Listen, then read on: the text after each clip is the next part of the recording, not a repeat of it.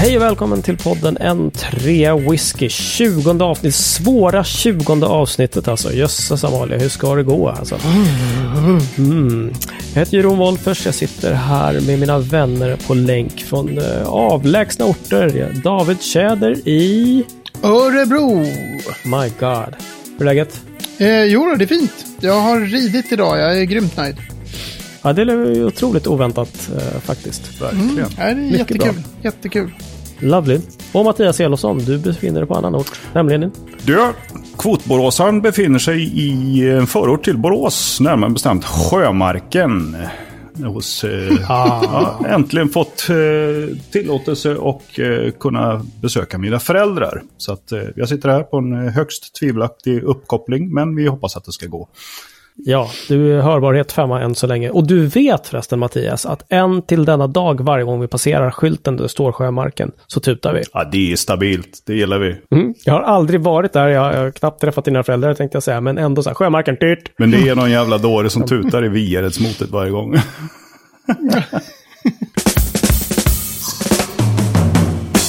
Jo hörni, det har kommit en fråga från en eh, lyssnare från Japan. Jag tycker det här är sjukt coolt. Wow! Martin Mäktigt. Linder heter han och, och eh, han undrar eh, om det här med att köpa whisky via nätet och också hur fasen köper man samples? Och det här var ju en strålande fråga. Jag har extremt liten erfarenhet av det här själv nämligen. Det enda whisky jag har köpt via nätet är ju faktiskt från Systembolagets webbsläpp som ju i sig kan vara lite av en, ett hasardspel sådär. Men jag har inte köpt någonting utomlands ifrån.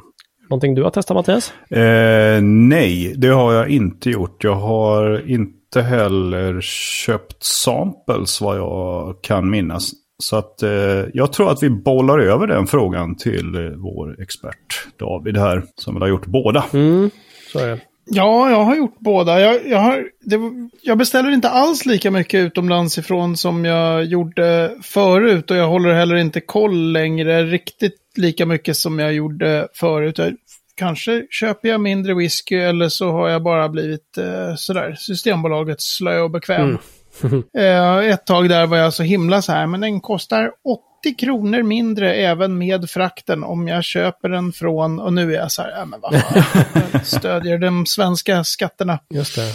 Ehm, men sen finns det ju ibland flaskor som, som aldrig kommer till systemet, som, som släpps på destilleriers hemsidor eller att det finns inte distribution Ja, just det, till Just det, Sverige. okej. Och då kan man ju köpa whisky utomlands. Jaha, så det då. finns alltså, eller det fanns i alla fall då en prisskillnad. För jag trodde att liksom så här, det är klart att den finns, men med frakten borde ju ta död på all, all den vinning man liksom gör gentemot att köpa på systemet, eller? Alltså det är väldigt olika med olika buteljeringar och sådär. Framförallt så kan det ju vara att, en, eh, att folk är hungriga på att prova en whisky som har släppts och som kanske kommer till Systembolaget om sju månader eller sådär. Right. Mm. Det är ju ganska vanligt. Jag har slutat göra så jag bara väntar tills de kommer på Systembolaget. Okej. Eh, jag orkar liksom inte. och sen ibland glömmer jag uh, släppa dagen och så bara, jaha. Ja, ja, just det. Ja, har, min, min FOMO, Fear of Missing Out, har minskat betydligt över tid. Så att jag är så här, jaha, Ja. då missade jag den. Det, det tar vi någon Kanske också gång. någonting som går i vågor. Men, eh, ja, men sen den dumma grejen som, som jag har gått på tusen gånger, just det här med, ja men med frakt så blir det ju inte billigare. Det är ju den, Mm. du kan ju liksom köpa utomlands ifrån och så står det frakt, eh, en till sex flaskor är frakt 30 euro. Mm. Då tjänar du ju mer ju mer flaskor du köper Ja, just det. givetvis. Mm. Det är ju ett sätt att se på saken. David, kom det sex Så den har man ju åkt på några Jag har gånger. sparat pengar. Att så här, och, och, jag har sparat pengar för jag har köpt ännu mer whisky jag inte hinner dricka. Ehm, så att det kan absolut vara billigare, men framför allt så kan det ju vara flaskor som bara går att få tag på utomlands Just det. Och då finns det ju, det är ju inte svårt alls. Alltså nu befinner sig ju Martin kanske då i Japan och då är det liksom lite andra. Jag vet inte hur man gör när man beställer whisky online, så att säga, till Alltså Japan. när han ställde frågan så, så skrev han faktiskt åker till Sverige nu med familjen om en vecka och undrar hur ni gör för att köpa Ah. samples och uh, sådana grejer. Ah, så ja, ja. japp. Okej. Ja, ja, ja. Nej, men för då finns det ju, det finns ju jättemycket online-shoppar. Mm. Och eh, vi kan väl bränna av, eh, jag, kan väl bjuda på ett gäng länkar i show notes. Ja, det är bra. Eh, Men några av de, av de mest kända är väl eh, The Whiskey Exchange, då i London. Mm. Eh, Master of Malt, som också finns i England, eller åtminstone Storbritannien. Jag vet faktiskt inte var de... Det är ju en online-shop bara, vad jag vet okay. i alla fall. Eh, det kan vara ganska piffigt att googla liksom efter whiskyshoppar i länder med låg alkoholskatt. Så att det finns väldigt många i Tyskland och väldigt många i Holland. Mm -hmm. Jag har förut beställt jättemycket från Holland. Ja, hot för dem. Men sen så är det ju, det är ju olika liksom regler och förändliga regler från olika shoppar om de överhuvudtaget skickar till Sverige på grund av Systembolaget. Och om de lägger på svensk skatt eller om det nu är moms. Jag vet att Whiskey Exchange, då, då är det ju liksom priset på flarran och sen så är det frakten och sen så är det någon mer Skatt av något slag, grej liksom. för att skicka till Sverige. Mm -hmm, liksom. Mm -hmm. Medan andra inte eh, har gjort det. Förut var ju Master of Malt bara, de gladeligen skickade till Sverige. De skickar inte längre till Sverige för att det blev trubbel med Systembolaget. Okay. ja för... Eh, så att man kan hitta jättemånga webbshoppar och sen så står det så här, vi skickar till de här länderna och så kanske Sverige inte är med. Eh, och så finns det andra som man kan skicka till och sådär. Så att eh, mm. det har blivit svårare de senaste kanske två, tre okay. åren att beställa till Sverige. Okay. Fler shoppar som säger nej, vi, det, det blir trassel med Systembolagets eh, reglerna och sådär. Är det ens lagligt i frågan, liksom, eh, att, att, beställa utifrån? Eh, från andra länder, liksom? Hur, hur ser det ut egentligen? Är det okej okay, eller är det liksom någon slags lite grå, gråzon liksom, på det här? Eh, alltså jag kommer inte ihåg. Jag var ju, eh, som sagt, när jag gjorde det här mycket förut var jag mer insatt i det hela. Jag tror att det var så här att, att eh, så här var det i alla fall då. Att säga att jag beställer en flaska whisky från Holland. Då har den skickande butiken har ansvar för att se till att alla eh, avgifter faktiskt också betalas som ska betalas. Och det skiter ju de högaktningsfullt i att göra. Alltså de gjorde det okay. då i alla fall. Okay. Så de skickar ju bara och sen så eh, kan ju paket plockas då av tullen där de då säger hallå, det här är ju whisky. Och sen om det är moms eller om det är för att det är ju skattad liksom. Det är ju skatter, alkoholen är ju skattad, bara att det är holländsk skatt då. Så att det kan ju inte vara hela svenska skatten. Oh, oh, men då fanns det sådana här att... Eh, här, men då fanns det sådana här att, att i de här whiskygrupperna online, hur folk var så här, ah, har ni haft några problem med försändelser från butik A, B, C, D? Okay. Eh, jag eh, hade väl att något paket inte kom fram överhuvudtaget tror jag.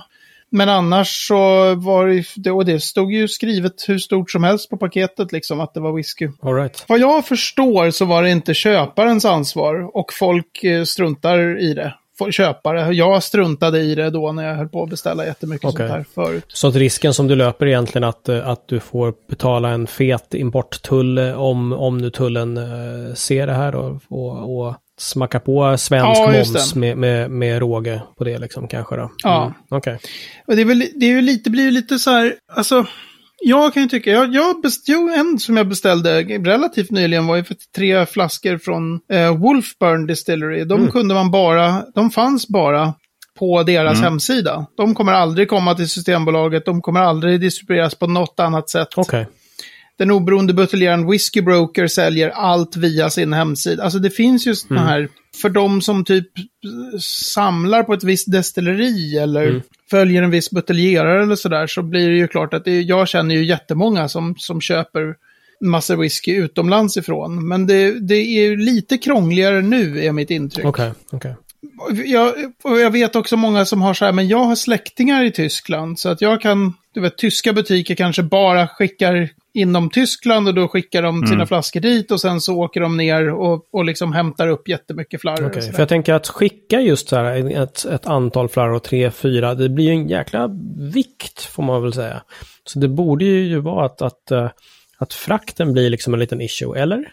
Alltså om man inte är så här som superhårdare som, som liksom köper, för det finns det ju de som jag köper liksom tio stycken av någon speciell flaska eller mm. något sånt där. Det gjorde ju aldrig jag. Jag köpte tio ja. olika flaskor istället. men jag menar tio flaskor, det är ju liksom, det är ju fan många kilon liksom. Mm. Ja, det är ju många kilo. Man betalar totalt sett några hundra i, i frakt. Det är liksom inte en tusenlapp Nej. som går i frakt. Utan Nej, du menar att det... Det kan vara 400 spänn i frakt kanske. Och sen så jämnar det ut sig. Okay. Mm.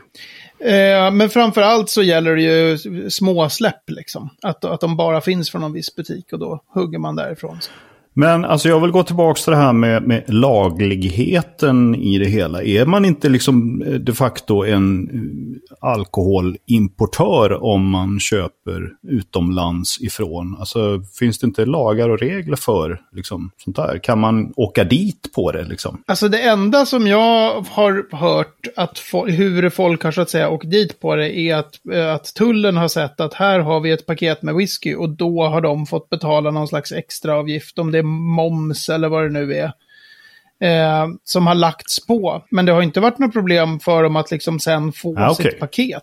Eh, och det här är ju också så här, jag har ju bara koll på inom EU. Jag vet andra som har sådär liksom beställt eh, whisky från Japan och mm. Alltså, det, men där har jag, in, det har jag ingen koll på alls. Det har jag aldrig gjort. Alltså som köper mm -hmm. från Asien. Alltså, vi kanske borde snacka med Martin Linder. Han kanske kunde ha plockat med sig liksom, han och familjen där.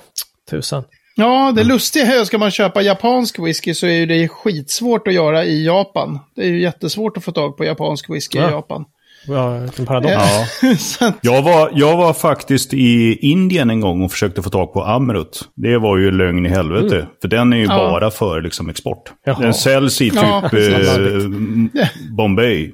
And that's it. Mm. Okej. Okay. Just det. Jaha. Ja.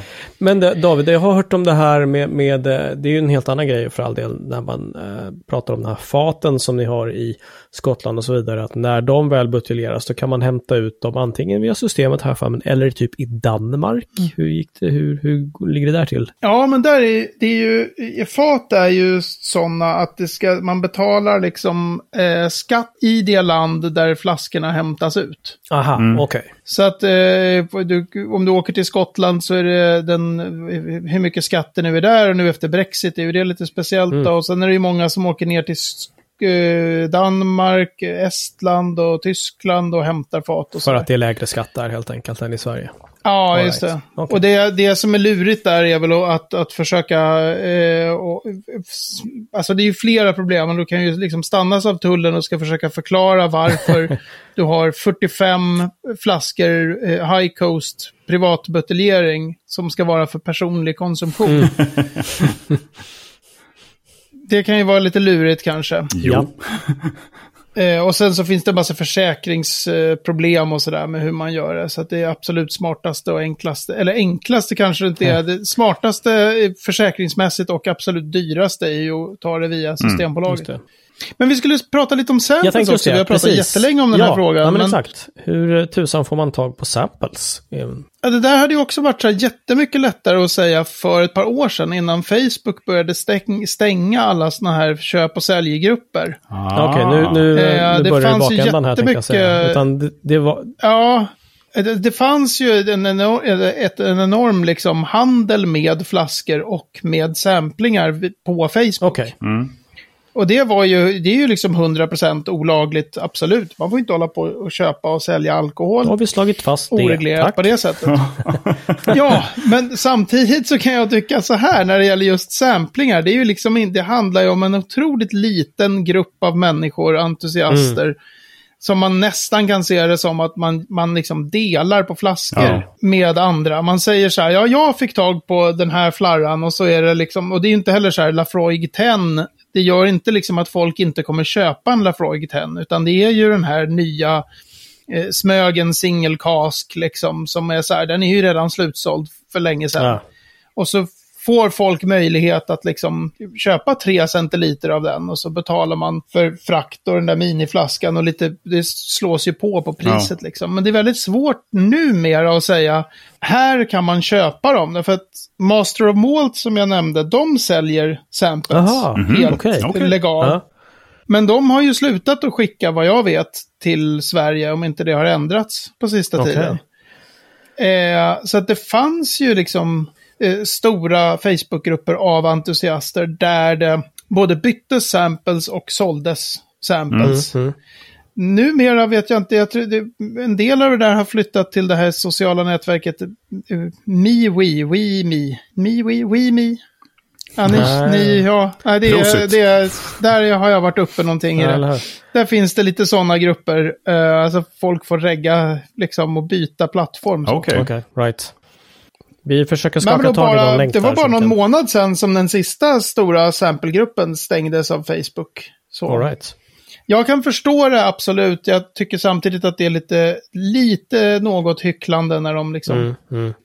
tjänar en och annan spänn på att köpa tjänster av jättestora företag och så sitter det Mm. 3000 svenska entusiaster och liksom köper lite samples av varandra. Mm. Jag kan tycka att det kanske inte är Nej. så jävla mycket att Vi huttla om. skickar ett mail till Mark Zuckerberg och frågar. Vad fan? Vi kan Precis. erbjuda honom ett Heikos sample eller någonting sånt där lite exotiskt. För honom. Just Så det. kommer han säkert ta reson. Tror ni inte det? Eller hur? Ja, men det är intressant. Vi försöker hitta vad, eh, någon, någon, någon vettig länk och man kan läsa mer om. Men eh, jag kan också tycka att det är en ganska sund eh, handel kanske då. Att man köper tre centiliter av någon fin whisky. Liksom. Det är inte riktigt så att man antar ju att det inte är 15-åringar som köper det där och gör en häxa och, och liksom så sveper med lite cola och is. Någon- Nej, ja, jag kan förstå det med den här när det blir väldigt stor, mycket handel med just hela flaskor och så. Ja, att det, det, då är det ju Mm. så här väldigt, väldigt så här icke skattade vinster Mm. och, eh, och konstigheter så där. Men just det där med att liksom erbjuda samples på, på flaskor som man har. Mm. Det finns ju några få grupper men, men de liksom stängs och så öppnas det någon ny och så stängs de och så. Och jag håller inte koll längre, helt enkelt. Nej. Jag har som fokus på att få färre samples. jag blir bara glad att jag liksom inte är med i grupper Du vill inte längre. ha mer samples. Du kanske, Ja. kanske är ganska ensam. Omvända samples-problemet. Nåväl, Mm. vi- eh, ska försöka hjälpa dig med det problemet David och eh, vi ska se om Mm. vi kan jämna ut här oddsen och erbjuda någon, någon samples-länk. Exakt. Pirate Bay för whisky samples. Anyone? No one? Ja. Hello? Dust. Ja, eh, det är dags för ett destilleri. Och David, idag ska du få prata i tre minuter om Loch Lomond. Ah, Captain jag tror att det är Lock, eget. Lock eller Lock. Ja, Captain Haddock eh, destilleriet, ja. Precis. Hela den storyn är, är lång och krånglig. Det finns så väldigt mycket mer att säga om Loch Lomond. Mm. Men Alltså det är ju ett destilleri som tills för typ 4-5 år sedan hade ganska ordentligt lågt anseende. Mhm. Och eh, kanske väldigt mycket fokus på att på göra så kallade in-house blends. Alltså de gjorde, det var en, en fabrik för att skapa olika blended whiskys. De gör både grain whisky och malt whisky. Så de kan göra sina egna Mhm. blended whiskys. Eh, med ganska lite fokus på det där med, med singelmalt. Och de hade ganska, de har förvirrande många olika varumärken som de har släppt sin whisky under och Mhm. sådär. Men sen så fick de nya ägare någon gång, typ 2014, och något 15 eller något sånt där. Då har de bytt ägare en gång till efter det. Men det, har, det som har skett är ju en enorm eh, kvalitetshöjning på just singelmalten. Så de är, de är ju bra på så sätt att de har inte varit tillräckligt... De har eh, liksom... De har bättre whisky än varumärke. Ah, Och ah. ett sånt är alltid bra Verkligen. för en, för en konsument. Liksom, att, de, att man kan få bra whisky för ett bra pris. För att så väldigt många är så här, "Öh, Loch Lomond, de var väl inget vidare. Okej. Eh, och det är ett ungt destilleri. Jag vet inte, någon gång på 60-talet så byggdes det där destilleriet. All right. Och de är jättekända, i, man använder dem ofta i whiskyquizar för de gör, åtminstone gjorde, så vansinnigt många olika sorters destillat. Mhm. Så massor olika slags new make som alla hade olika namn. Okej. Så det fanns en sån här, ja, hur många av alla Loch Lomond-destillat kan du liksom Men nu nämna? får du nästan nämna två stycken till här som Ja, alltså Inchmoan, Inchmurrin, Croftengia. prosit. Eh, heter inte någon typ Glenn Douglas eller något sånt där? så här lustigt. Glenn Hussein. Ehm, och de, de har en whisky som heter Inchmoan, som är eh, rökig. Mm. Men förutom det, och, och, och sen har de Inchfad och sådär, men de, de, det mesta de släpper numera heter liksom Loch Lomond. Okej. Och sen blandar de de här olika destillaten hur de vill. Mm. Liksom. Eh, vilket är ganska skönt för att det så, var så förvirrande många. Mm. Man kan också eh, tillägga att de gör en fantastiskt bra, billig single grain whisky, NAS. Mhm. Som är gjord på 100% mältat korn, men i kolonnpannor. Och då enligt de skotska reglerna så får de inte kalla det för singelmalt. Ah. Så den heter Loch Lomond Single Grain. Den skulle jag säga som min sån här rekommenderade. Prova den. Grymt. Tre minuter, bam! Fan vad spännande. bra tips där tycker mm. jag. Eh, ändå. Och det låter ju som en liten dröm där att, att det är eh, så här, dåligt eh, varumärke men, men ändå liksom bra whisky. Som en som då mm. är född på 60-talet så blir jag väldigt glad när du säger att det är ett ungt destilleri från 60-talet. Den tackar vi för. ja. Ja, oh. som, som destilleri beräknat är det, är det ja, väldigt, ja, ja, väldigt ungt. Men det är också kul med destillerier som gör den resan, som Glen Scotia är ett annat, som, är så här, som hade lite dåligt anseende, kanske inte jättekul mm. singelmalt, och så blir de jättemycket bättre. Mm. Um, och det, det, är liksom allmänt erkänt. Är det dags att handla upp sig på Fettercairn alltså? Ja, just det. Fettercairn får man se hur de, hur de utvecklas. Där har inte jag hängt med. Men... Sånt är alltid väldigt roligt tycker jag. Jag har provat svinbra whisky från Loch Lomond. Ja, kul. Faktiskt. Och nu ska det handla om politik faktiskt. Ja, vi snackar svågerpolitik, vi snackar kanske vänster, kanske höger, kanske liberalt eller mitten. Nej, det är det inte alls det. Det är dags för veckans ord och det är fatpolitik. Och David, vad i hela friden innebär det här? Ja, när vi chattade i några minuter innan vi skulle sända här så sa Mattias, vadå fatpolitik, vad fan är det? Så då tänkte jag sätta honom på pottan lite här och säga, vad, vad, vad tror du att fatpolitik kan vara? För jag vet att Nej, du jag, vet. Mwah, så evil. Ja, du är så elak. Jag har ju inte den blekaste aning, men jag kan inte ens liksom drista mig till att gissa vad det kan betyda. Så att eh, jag säger, jag, jag böjer mitt huvud i skam och säger pass på den frågan. Okej. Okay. Alltså fatpolitik, kan man, om man tänker sig att vi tre skulle driva ett destilleri och så skulle vi säga att vi kör enbart, eller vi kör till 90% av all sprit fyller vi på First Fill Bourbon Barrels. Jävligt ovanligt. Resten fyller vi på gamla portvinsfat. Mm. Det är liksom, det är vår fatpolitik. Ja. ja. Så det är vad man väljer för fat. Och även kanske då om man har det brukar inte vara fullt så att man bara har två slags mm, fat. Mm. Men kanske även då att man säger så här, till vår 12-åring, mm. då använder vi bara bourbonfat. 15-åringen, hälften bourbon, hälften sherryfat. 18-åringen, mm, mm. de får en finish i portvinsfat. Den liksom, det som man kan kalla för någon slags fatval, fast bestämt sätt mm. att styra. En del av receptet eh, får man väl säga då. Ja, precis. Ja. Och den där eh, får ju väldiga liksom, effekter för hur folk uppfattar ett destilleri. Så man, om man säger liksom Glengoyne, mm. då tänker ju folk så här, ja men det kommer vara en sherrylagring. För de kör liksom på sherry. Mm. Mm, okay. eh, Glendronach kör nästan bara också på sherryfat. Glen Farclas, extremt liksom sherry-dominerat. Mm. Och då blir det ju väldigt roligt om man hittar liksom säg oberoende buteljeringar då som är så här från bourbonfat. För att man vill så här, hur är det här destilleriet på bourbonfat? Man vet knappt. Liksom.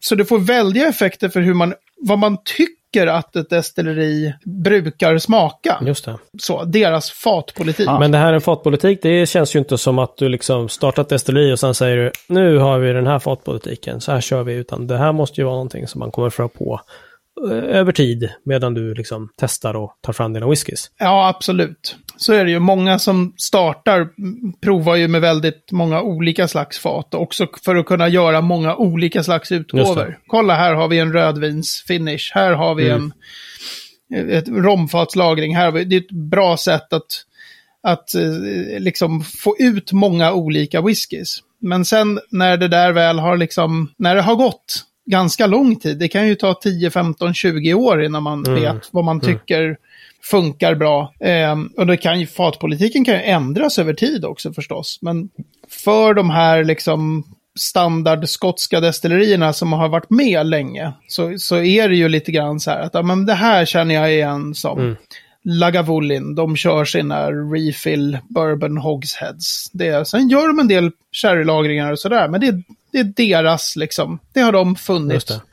Funkar bra för deras eh, whiskys. hur, hur, hur officiellt är den här fatpolitiken skulle du säga på olika destillerier? Jag vet att eh, någonting som svenska High Coast, de är ju väldigt transparenta känns det som och skriver ut liksom så här, okej okay, det här är den här whiskyn de här faten har ingått. Pom, pom, pom, pom, pom, liksom. Mm. Eh, eh, Men är det fortfarande liksom andra som tycker att det där har inte konsumenten med att göra, utan de vill säga att den är lagrad på eh, fat av eh, ister och... Nej, vad fan vet jag. Ja, Men det är att man ska hitta på någonting liksom, som låter spännande. Fat av ister! det är inte ens er. Det är isterhögar. Det här är det nya Glenn Lard. Ja! Ja. Fan Mattias! Vi måste starta ett gud, destilleri Jag är för snart. trött för att podda egentligen. Ja, Åh, gud. Glenn Lard Eh, från Glenn Wattot. Japp. Fett! Nej, men så här. Jag, jag tror att... Eh, för faten står ju ändå rätt ofta. Eh, det står ju liksom, den här är sherrylagrad eller den här är bourbonlagrad. Så det är ju inte... Det High Coast gör så, så extremt är ju så här, det här är exakt vilka fat som ingick i exakt den här whiskyn. Den, de här fylldes precis den här dagen. Hade exakt den här alkoholhalten när vi tömde dem och så här. Så de är ju extrema på det Right, sättet. right. Men sen vet man det ju egentligen mest utifrån om man har provat mycket whisky från ett visst destilleri. Om man pratar officiella utgåvor då så är det så här, men de brukar liksom vara sherrylagrade. Ja, de okej. brukar köra den här bourbonstilen. Eller de har lite det här och det här. Men det finns ju ingen öppenhet på det sättet att, att destillerier säger, eh, annat än i så specialvisningsfilmer på YouTube eller något, så kan någon destillerichef säga 90% av allt vi fyller är bourbon barrels. Men det står ju inte på hemsidorna eller att det är så här, vi ska nu ändra vår fatpolitik och börja fylla Mhm. Eh, second fill cherry butts, utan det märker ju konsumenter tio år senare att gud vad mycket mycket eh, second fill cherry butts Ja, de kör på det här destilleriet. Så Det är inte liksom, eh, eller just de här isterfaten som börjar bli väldigt, väldigt vanliga. Japp. Mm. Men så det är valet att vad, vad man fyller på. Mm. Okej. Så, Fatpolitiken är helt enkelt ett val. Det låter bra. Därmed absolut. tycker jag att vi bordlägger frågan till eh, framtida avsnitt. Kan vi göra så? Absolut. Ett unisont val. Tackar. Du har hört eh, en 3 whisky avsnitt 20 och du kan läsa mer om det vi har pratat om på n3whisky.se 20. Där har vi flera länkar till det vi har pratat om så du kan eh, hitta fler, hitta vidare. Eh, Även på facebook.com n3whisky når du oss och ställ gärna lite trevliga frågor eller funderingar så tar vi kanske upp dem i podden här. Så det är så. Ja, det var en, en grym kväll på många sätt. Eh, Fettfylld och härlig. Mattias och David, tack för ikväll. Vi syns. hej, hej. Tack ska du ha. Ha det bra. Hej.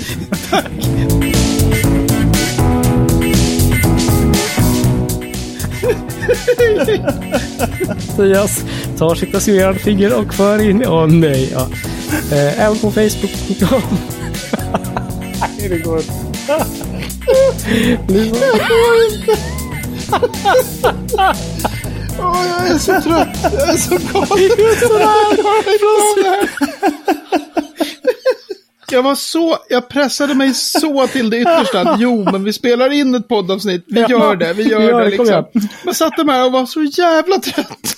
Och så kommer de här isterfaten. Och fingret. Ah, Förlåt. karat är bra. Tagning två.